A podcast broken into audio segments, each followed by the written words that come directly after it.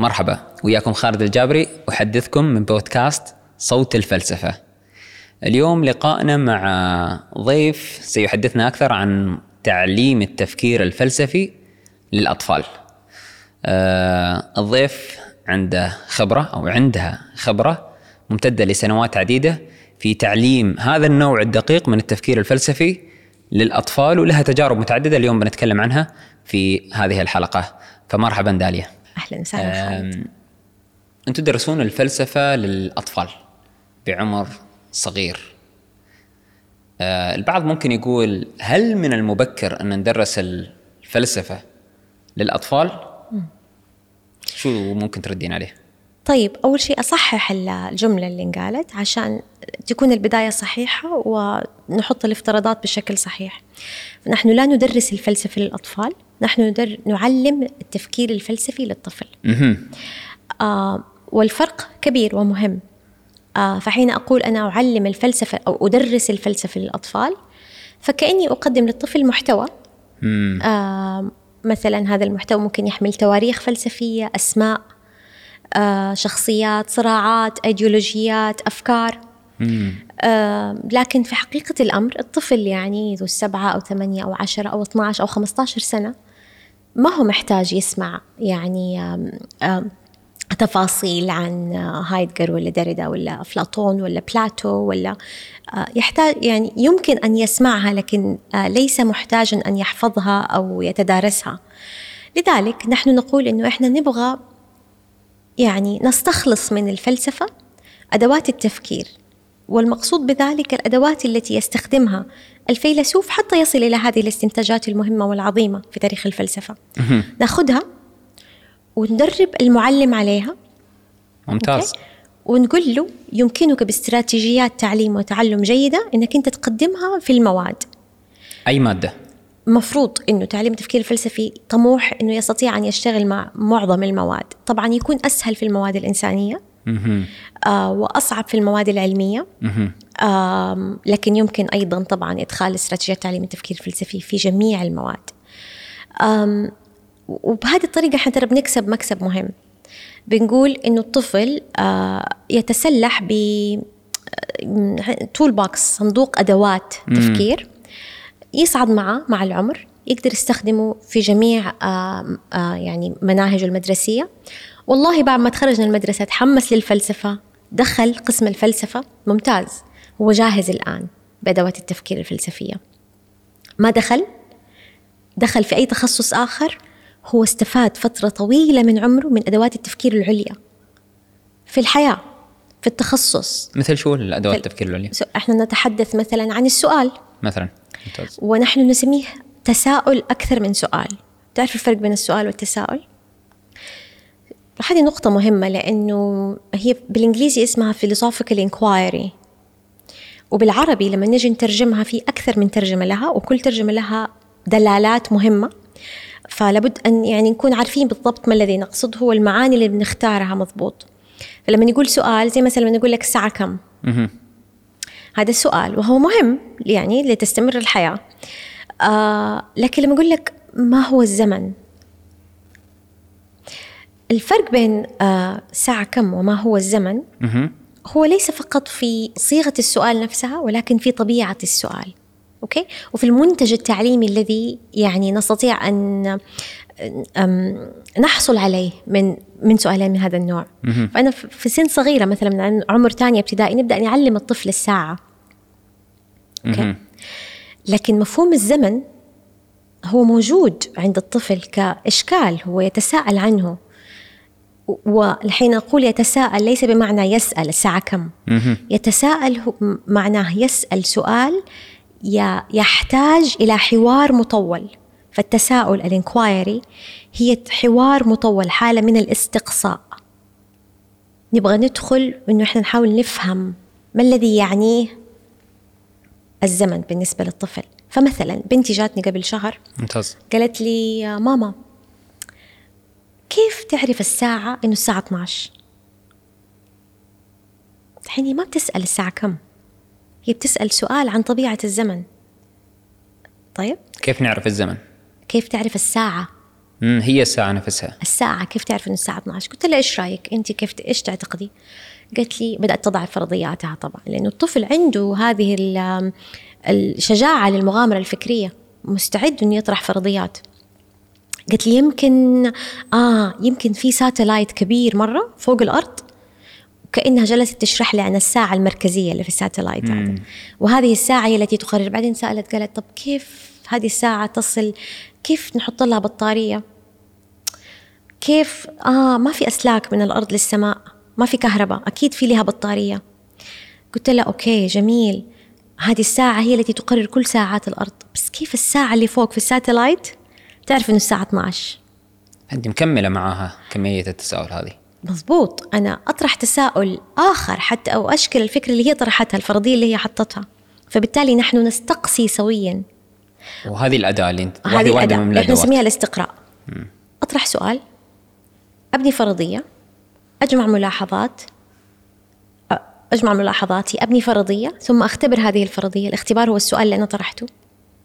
والطفل يتعلمها من خلال التجربة. من خلال من خلال من خلال استراتيجيات التيسير، الاستراتيجية اللي أنا استخدمتها الآن هي استراتيجية التيسير. أول شيء رجعت السؤال إليها فما جاوبتها. ثاني حاجة احترت معاها أنا ماني عارفة أصلا. أنت تعرف جواب السؤال ده؟ لا كيف تعرف الساعة إنه الساعة 12؟ مم. ففي قبل أن يأتي التساؤل هناك أصلا تصور عن عن فهم العلاقة بين البالغ وال- والطفل. والتصور الذي تعودنا عليه إنه البالغ يعرف والطفل لا يعرف. لكن تعليم التفكير الفلسفي يعني يعتمد على تصور عن الطفل أنه صحيح لا يعرف بس هو لا يعرف كما أن البالغ لا يعرف. إحنا الاثنين محتارين. واعترافنا إحنا الكبار بهذه الحيرة الاعتراف بالجهل يجعل علاقتنا مع الطفل ما هي علاقة فوقية. فساعتها أنا ماني مضطرة أجاوب على أسئلتها كلها. ساعتها الاستقصاء الذي أتحدث عنه يكون أصيل. ما هو من أجل أن أجعلها تخمن الجواب الصح؟ أو تصل للجواب اللي في رأسي أنا صدقا ماني عارفة. مش نفس المعلم في الصف التقليدي اللي ممكن يسأل السؤال وينتظر الجواب الصح وهو جواب صح واحد. صحيح. فأنت سؤال تساؤل خلينا نقول تساؤل صح. الحين بديت أعرفها. تساؤل مستمر. الهدف آه، منه تعليم التفكير الفلسفي وليس أقوال فلاسفة أو محتوى فلسفي معين. صحيح صحيح. سو مثلا آه، هذا السؤال اللي سألته بنتي جلس معها فترة مرة طويلة. فضلت تسأله بطرق مختلفة ومتعددة. قبل بالضبط يعني بعد الحادثة هذه أو السؤال ده آه بيمكن شهر أو شيء رجعت لي مرة ثانية. قالت لي ماما شوف التجر- التجربة الذهنية اللي حطتها. لو أنا مت ونسيت الساعة في يدي. طيب وصحيت يوم القيامة والبطارية لسه شغالة. مم. أوكي. دحين البطارية لسه شغالة وطلعت في الساعة يوم القيامة في الجنة. وصارت الساعة واحدة بدأت تمشي على اثنين يا ماما وثلاثة. وبدأت تشرح كم عمرها بنتك؟ ثمانية سنوات. كيف كيف حيصير؟ يعني هي بتقول لي كيف يا ماما؟ كيف كيف الواحد كيف الساعة تشتغل في الجنة؟ معنى السؤال إنه ما الذي يعنيه أن تتحرك الساعة في زمن آه، آه، ال- الأبدية؟ مم. ومعنى السؤال ما هي الأبدية؟ ومعنى السؤال يعود للسؤال الأصلي ما هي الساعة؟ وكيف تحدد الزمن من خلال الساعة؟ من الذي قرر أرقام الساعة؟ وما إلى هنالك. فكمية الأسئلة المتضمنة في سؤال من هذا النوع لا نستطيع أن نسميه سؤال. هو صدقا يعني تساؤل فلسفي عميق عن طبيعة الزمن. مرة ثانية الهدف مش التساؤل بحد ذاته اللي هو تعليم التفكير الفلسفي عبر هالممارسة أو الاستراتيجيات اللي نعم. سو هي الآن أنا أنا أط- أطمئن إنه السؤال ما زال في ذهنها. مو انتهى ما اختفى. هي لازالت تبحث تستقصي. والدليل على كده إنه جالس يعاودها مرة ومرتين وثلاثة. وجالسة تجرب طرق أخرى للجواب على السؤال. فهذه علامة ودليل على إنه الاستراتيجية الأولى اللي استخدمتها آه يعني آتت ثمارها. هل في منهج لتعليم أو خلينا أسأل السؤال بطريقة ثانية. هل في قصة هذا المنهج من تعليم التفكير الفلسفي ممكن تعطينا سياقة أكثر؟ أو طبعا. آم إيوه القصة تبدأ ب تقريبا بدأت في الستينات أو السبعينات لما بدأت تساؤلات مهمة عن من هو الطفل؟ لأنه قصتنا عن الطفولة جاية من من تصور البنائي عن الطفل أو البنيوي عفوا. والتصور البنيوي في تقريبا بداية القرن نشأ من فكرة متفرعة من النظرية الداروينية الحتميه البيولوجية. الإدراك بصفته تصور بيولوجي لنمو الدماغ. التمرحل بصفته نمو إدراكي يعني مرتبط بعمر الطفل. فمثلا بيجي كان يقول الطفل لا يستطيع أن يدرك المجردات يدركها إلا في سن 12 سنة. فبدأت تقريبا في الستينات والسبعينات يعني حملة آه، ممتازة حملة بحثية ممتازة لتفكيك هذه الفكرة. آه وبدأنا نشوف إنه الطفل إنه هذا يعني في مشكلة في بحث بيجي عن الطفل في الأدوات البحثية اللي استخدمها في تصوراته عن من هو البالغ ومن هو الطفل. فلما بيجي كان يسأل سؤال زي مثلا ما ما هو ما هو الشيء الحي للطفل؟ والطفل يجاوب أجوبة زي مثلا آه الشيء الحي هو الذي مثلا ممكن يقول السيارة لأنها تشرب فهي شيء حي الكائن الحي يشرب ويأكل فيدخلك في ال borderline cases أو الحالات الحدية. بيجي كان يشوف الإجابة دي خاطئة. آه ومعنى الحياة عند الطفل التجريدي ليس واضحا لأنه المثال اللي ضربه ما هو صحيح. ففهموا لمعنى أنه ما الذي نقصده بالشيء الحي عند بياجي يعتبر واضح ومفصول فيه بينما في حقيقة الأمر لو سألنا ده السؤال مرة ثانية دحين حنكتشف أنه مليان بالغموض طب هل الكرسي اللي إحنا جالسين عليه بعد أن قطع من الشجرة حي ولا لا ولماذا؟ ما الذي يجعل الشيء حيا؟ وما معنى أن يكون الشيء حيا؟ فإذا هذا التصور على أنه البالغ يعرف والطفل لا يعرف كان آه، سبب في أنه بيجي تصوراته عن الطفولة وحالته البحثية أنتجت إنه الطفل لا يعرف هذه المفاهيم الكبيرة سوى بعد السن الثانية عشرة. بالإضافة إلى طبعا مشكلة منهجية عنده في إنه يعني بحوثه كانت كمية ونحن نحتاج بحوث كيفية حتى ندرس ندرس التفكير الفلسفي عند الطفل وما إلى هنالك. فهذه هذه بداية القصة. وبدأوا يروحوا للمدارس يشوفوا الأطفال إيش وضعهم هم فعلا ما يعرفوا يفكروا فلسفيا؟ طب خلونا نجرب. ولما جربوا اكتشفوا إنه في ضعف كبير عند الأطفال في في التفكير في الحوار. ما يعرفوا يتحاوروا مع بعض حتى ما يعرفوا يعرف ما يعرفوا يسمعوا أفكار بعض.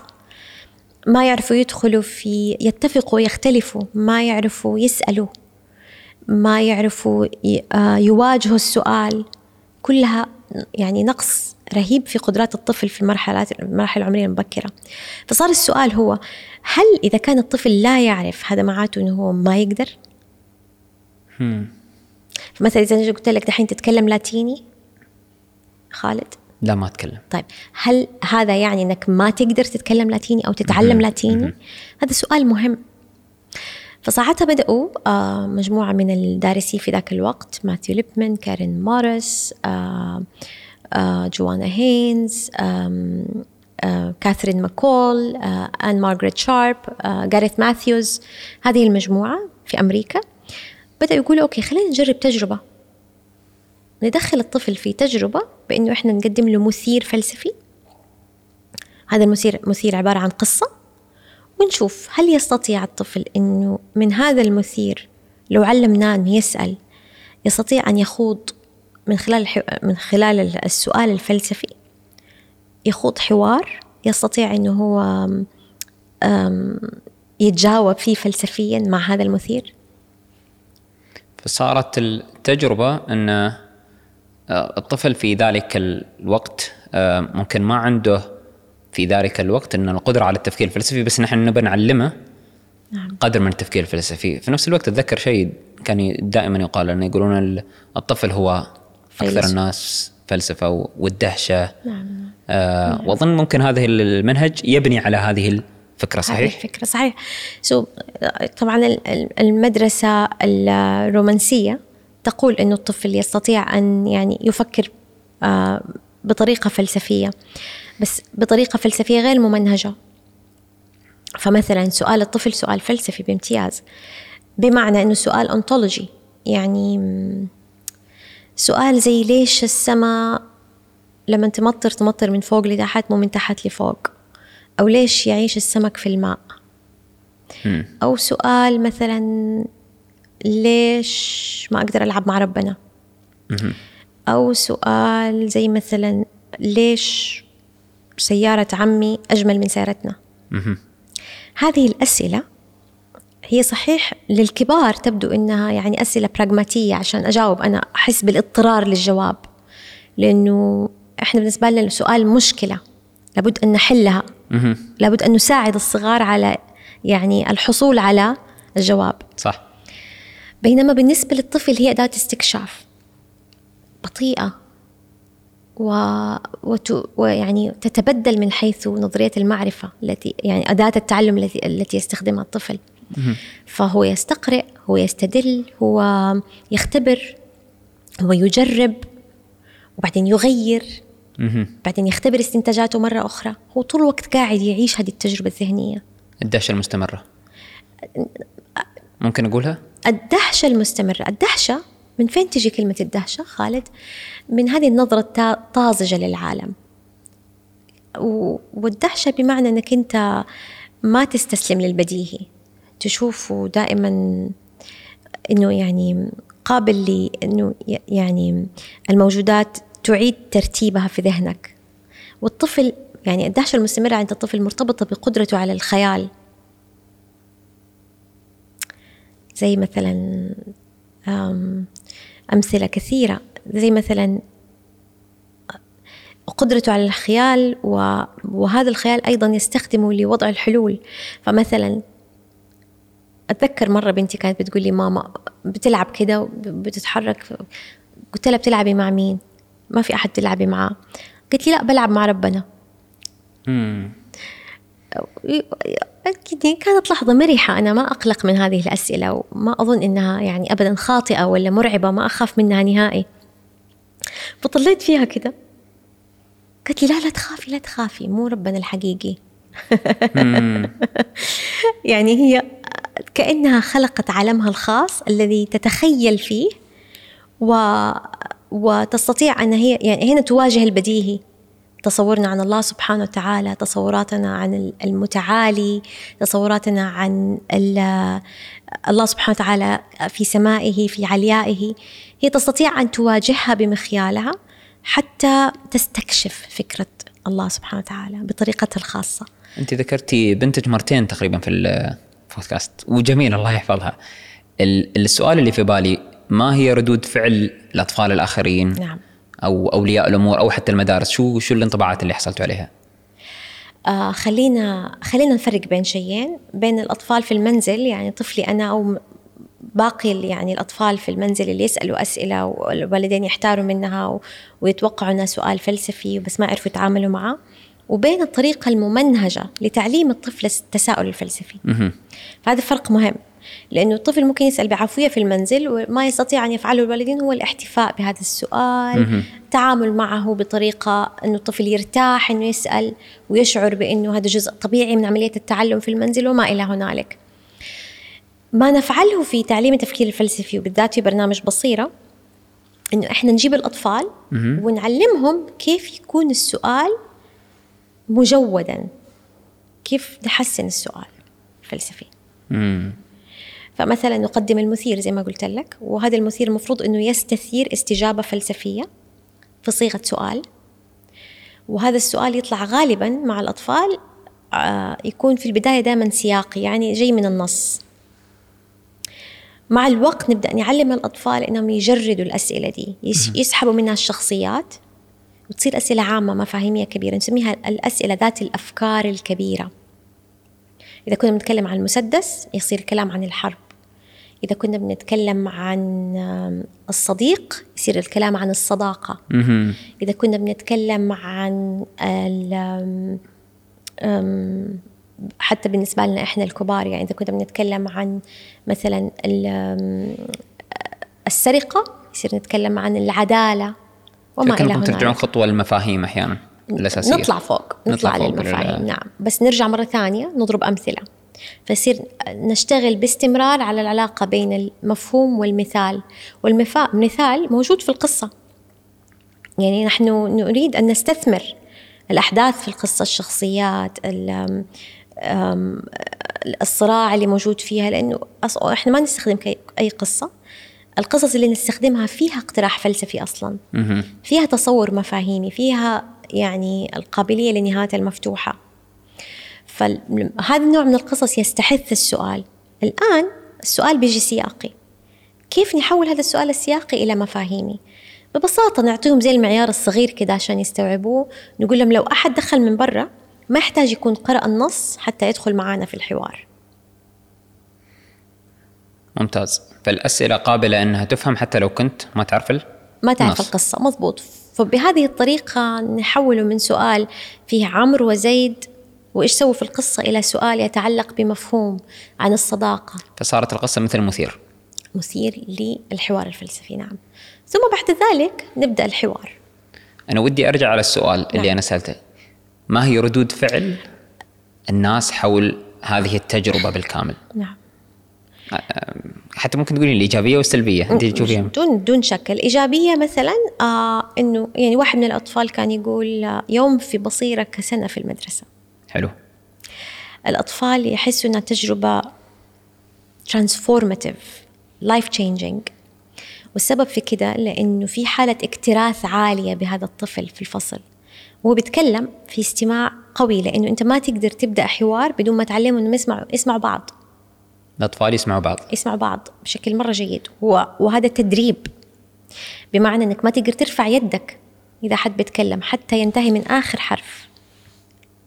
وحين تتحدث تحتاج تبدأ كلامك بصيغ معينة تبين أنك تبني على ما قاله الآخرين.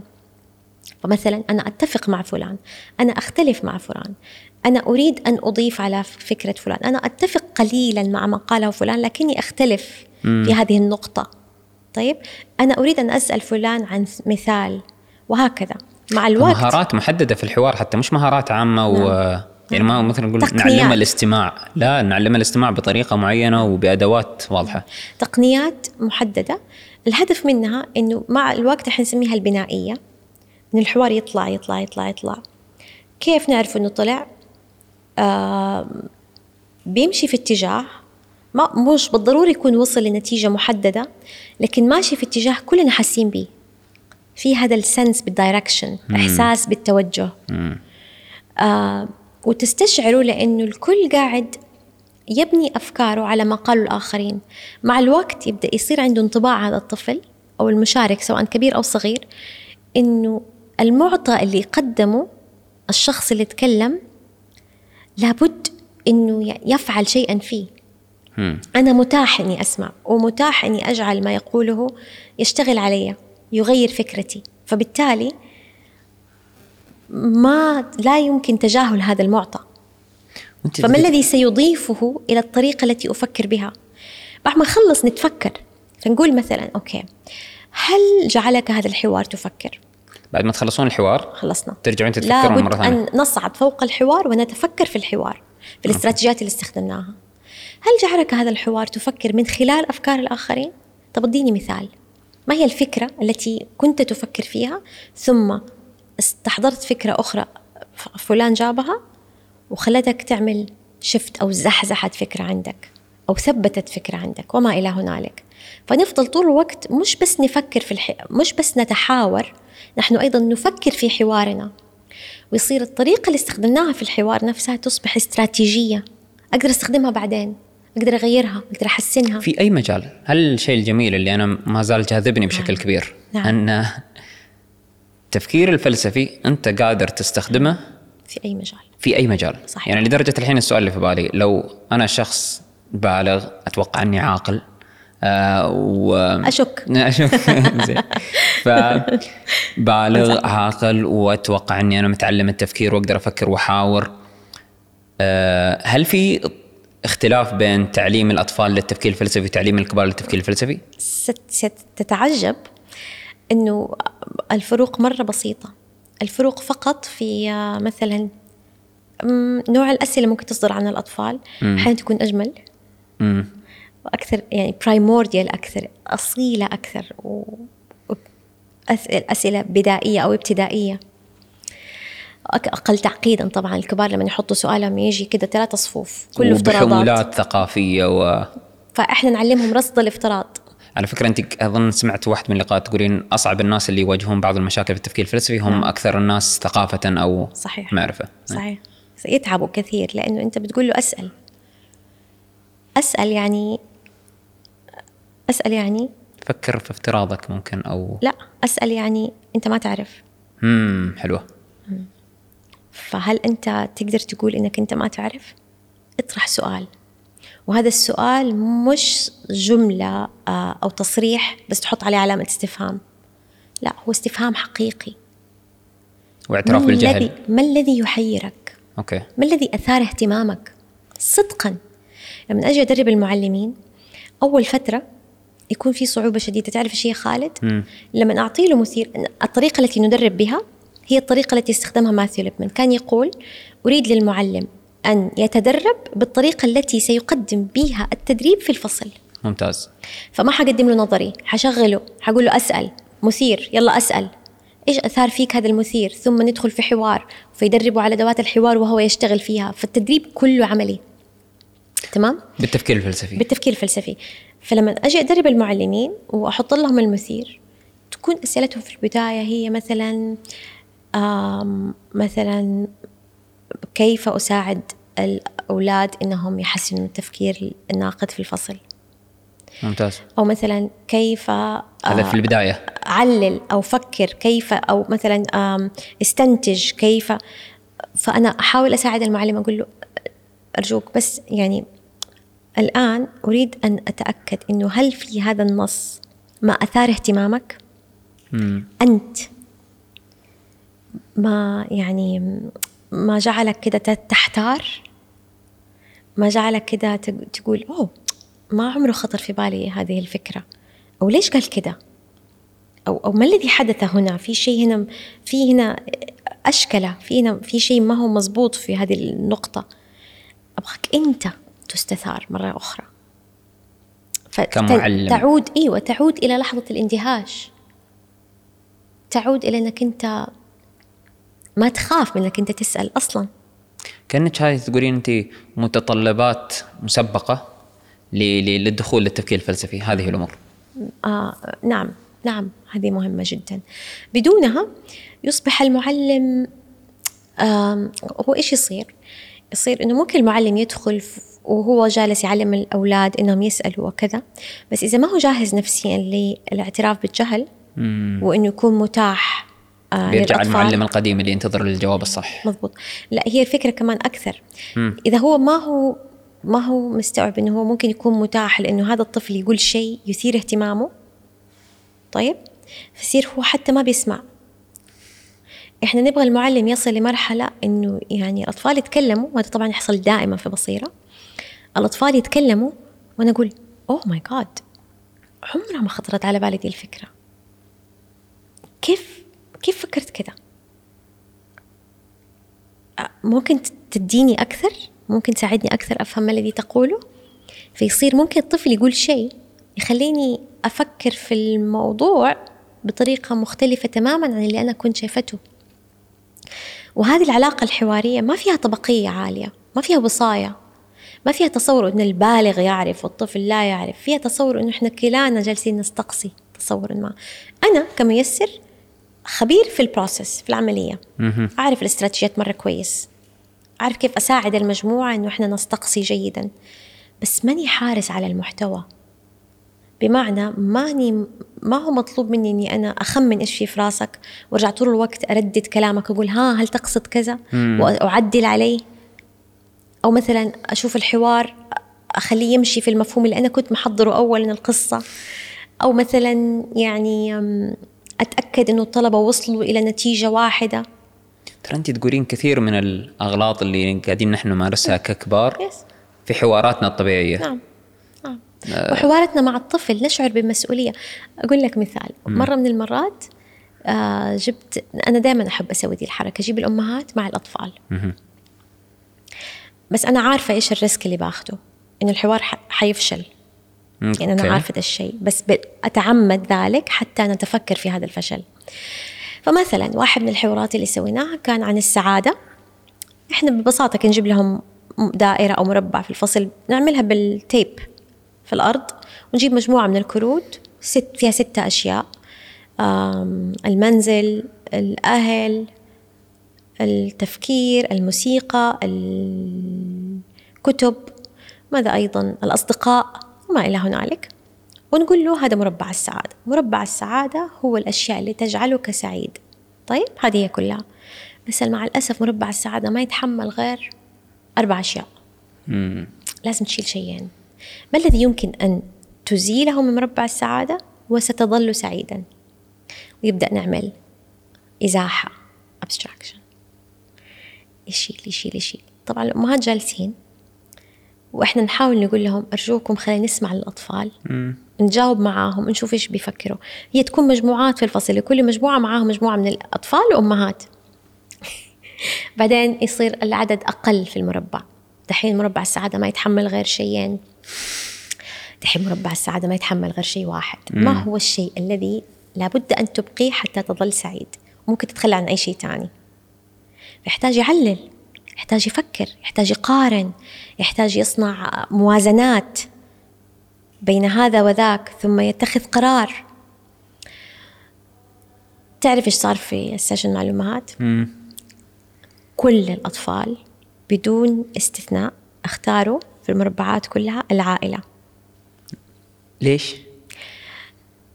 طبعا أنا الحين عندي افتراضات كثيرة بس بسمع. إيش تتوقع السبب؟ لا كذا تفكير فلسفي مباشر هذا. السبب خالد انه الأمهات كانوا ما هم قادرين يتوقفوا. عن السيطرة. نعم. وطبعا بعد ما خلصنا كل الأمهات مرة سعداء. واو وصلنا لنتيجة واحدة كلنا طبعا أنا باغلي من جوا لأن أنا عارفة إنه هذه يعني هذه هي علامة الفشل. الاتفاق اللي حصل معناته إنه كان في توجيه. indoctrination okay. توجيه. طيب؟ تأكد من أن النهاية تكون صحيحة. مم. وليس النهاية التي يفكر فيها الطفل بشكل يعني organic أو عضوي. فبهذه الطريقة لما وصلنا لهذا المنتج جلسنا نتكلم عن هل فعلا الأطفال كانوا مرتاحين وهم بيتكلموا؟ هل بطريقة ما صار في تأثير على آه، الطريقة التي يفكر بها الطفل حتى يصل إلى شيء محدد؟ هل لما قال إنه الموسيقى أو التفكير أهم من الأصدقاء سألتوهم ليش؟ طب وإذا كان ليش؟ هل okay؟ خ... قال فكرة عمرها ما خطرت في بالك قلتي okay أنا دحين اقتنعت مثلا. هل سمحتي لنفسك أنه الطفل يقدم فكرة ت- تساعدك على أنك تزحزحي تصور؟ وهذا الشيء يعني دائما يحصل. مثلا سيشن مع البنات وأمهاتهم. مم. يكون السؤال مثلا لو خيروك عشان تختار. الجمال ولا الذكاء؟ الجمال ولا الذكاء ولا المال؟ مم. فمثلا إحنا دحين هذه الهدف منا إنه إحنا نعزز التعليل المقدرة على إنك أنت تبرهن على أفكارك. أنا أفضل كذا لو, خل... لو لازم أختار حختار ده ولي... لأن. طيب؟ مم. طب ليش ما تختار ده؟ لأن. تمام؟ آه هي لعبة ذهنية. في دائما هذا السيشن ينتهي بإنه البنات يختاروا. إيش في رأيك؟ الجمال، المال، الذكاء. مع أمهاتهم ولا بدون؟ أمهاتهم. ذكاء؟ نعم. مم. نعم. لكن لو كانوا البنات لوحدهم حتلاقي تنوع هائل في الاختيارات. مم. والله التجربة جدا جميلة وتخليني أسأل سؤال رئيسي شو التحديات اللي غالبا واجهتيها في تجربتك كان مع نعم الأطفال أو الثقافة أو حتى ال- الو- الوالدين اثنيناتهم هل في تحدي بارز متكرر بشكل كبير؟ ال ال ال ال يعني الأبهات والأمهات أنواع ففي أنواع مثلا آه كانوا يعني يتخوفوا من البرنامج لأنه أتذكر أم قالت لي بنتي صارت أكبر مني. مم. بمعنى ماني قادرة ألحق على الطريقة التي يعني تتجاوب معايا فيها. بس كثير من الأمهات كانوا يقولوا أنت ساعدتينا في تربية أولادنا. لأنه إحنا ما بنخلق طفل متمرد. ما هو السؤال اللي هو السؤال الشك أو السؤال ال- السؤال اللي فيه رغبة في التحرر النفسي مو هو ده اللي بنصنعه. إحنا بنتكلم عن طفل إذا كان مستمع جيد فهو حيسمع لأمه وأبوه. إذا شغلنا ال caring thinking أو التفكير الرعائي فهو مش بس بيسمع لهم هو يتفهم يتفهم ويراعي المنطقة اللي هم جايين منها. يعني التفكير الفلسفي مش تفكير شكي ولا فقط تفكير عميق أيضا ولا ناقد ولا تفكير رعائي يراعي ال- الأفكار الأخرى بشكل أو بآخر. التفكير الرعائي نقطة يعني نقطة هائلة في تعليم التفكير الفلسفي ومن أجمل يعني الانبوتس أو ال ال الأشياء التي أضافها إلى أنماط ال- التفكير في العصر الحديث. وهي جاية من يعني من الفكر النسوي. آه ومن الأخلاق النسوية تحديدا. جيليغان وبعدين آن شارب اللي كانت تشتغل مع ماثيو ليبمان عززتها بشكل مباشر. وهي هي عميقة جدا يعني بمعنى إنه شوف مثلا التصور النفسي عن ال عن عن الإمباثي اللي هو ال- تعاطف التعاطف. أت- أنا أتعاطف معك زي ما دحين قلت أتعاطف مع والدي. هو إني أنا مثلا دائما نشبهها بان أنا الله يكرمك أحط نفسي أحط قدمي في حذائك. يعني كأني أتقمصك أو أتماهى معك. وهذه كذبة كبيرة غير ممكنة أصلا. فالتفكير النسوي يجي يصححها ويجعلها أكثر نضجا ويقول لك أنا آن مارغريت شارب تسم- تسميها سنذهب في لنذهب في زيارة. أنا جاي أزورك. ولما أجي أزورك أنا أزورك كما أنا. لن أغير في نفسي شيئا. أنا كذات وأنت كآخر.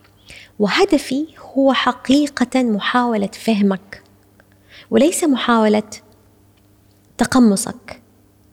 طيب لأنه هذا غير ممكن. أنا أستطيع أن أفهمك فقط إذا حافظت على ما أنا عليه. فهي محاولة مستمرة للفهم. بهدف كيف أفهمك حتى أستطيع أن أخدمك أو أرعاك؟ فهي أو أرعى فكرتك أو أنطلق منها. طيب أو أتبناها أو أفهمها أكثر طيب فهذه الطريقة في فهم الحوار توازن بين التصور الناقد. وبين إنه أنا أحتاج إنه أنا أكون متواضع وقابل أو أو متاح للآخر ف-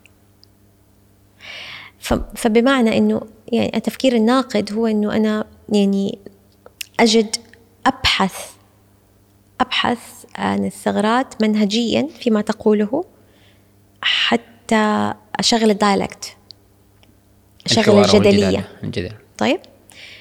وهذا مهم جدا في الحوار الفلسفي. لكن إحنا قاعدين نشتغل زي البندول. مم. طيب؟ في نفس الوقت أنا مرة مستمع جيد لما تقول. ومستعد إني أنا أغير رأيي. وليس الهدف في إنه في العلاقة اللي بيني وبينك العلاقة الحوارية اللي بيني وبينك هو الانتصار لنفسي. مم. ابدا ما هو زي مثلا ما هو زي المناظرات. طيب؟ ما في علاقة تنافسية بين أشخاص. لأنه ليست ليس أنا هو المركز وليس المعلم هو المركز الحقيقة هي المركز. الحقيقة هي ما نسعى إليه أو حتى محاولة الفهم. شيء خارج عني وعنك. فيصير ما في scoring points ما في إحراز نقاط. وما في هذه الرغبة. في رغبة عميقة لفهم الآخر والرعاية بمعنى الاستماع الجيد.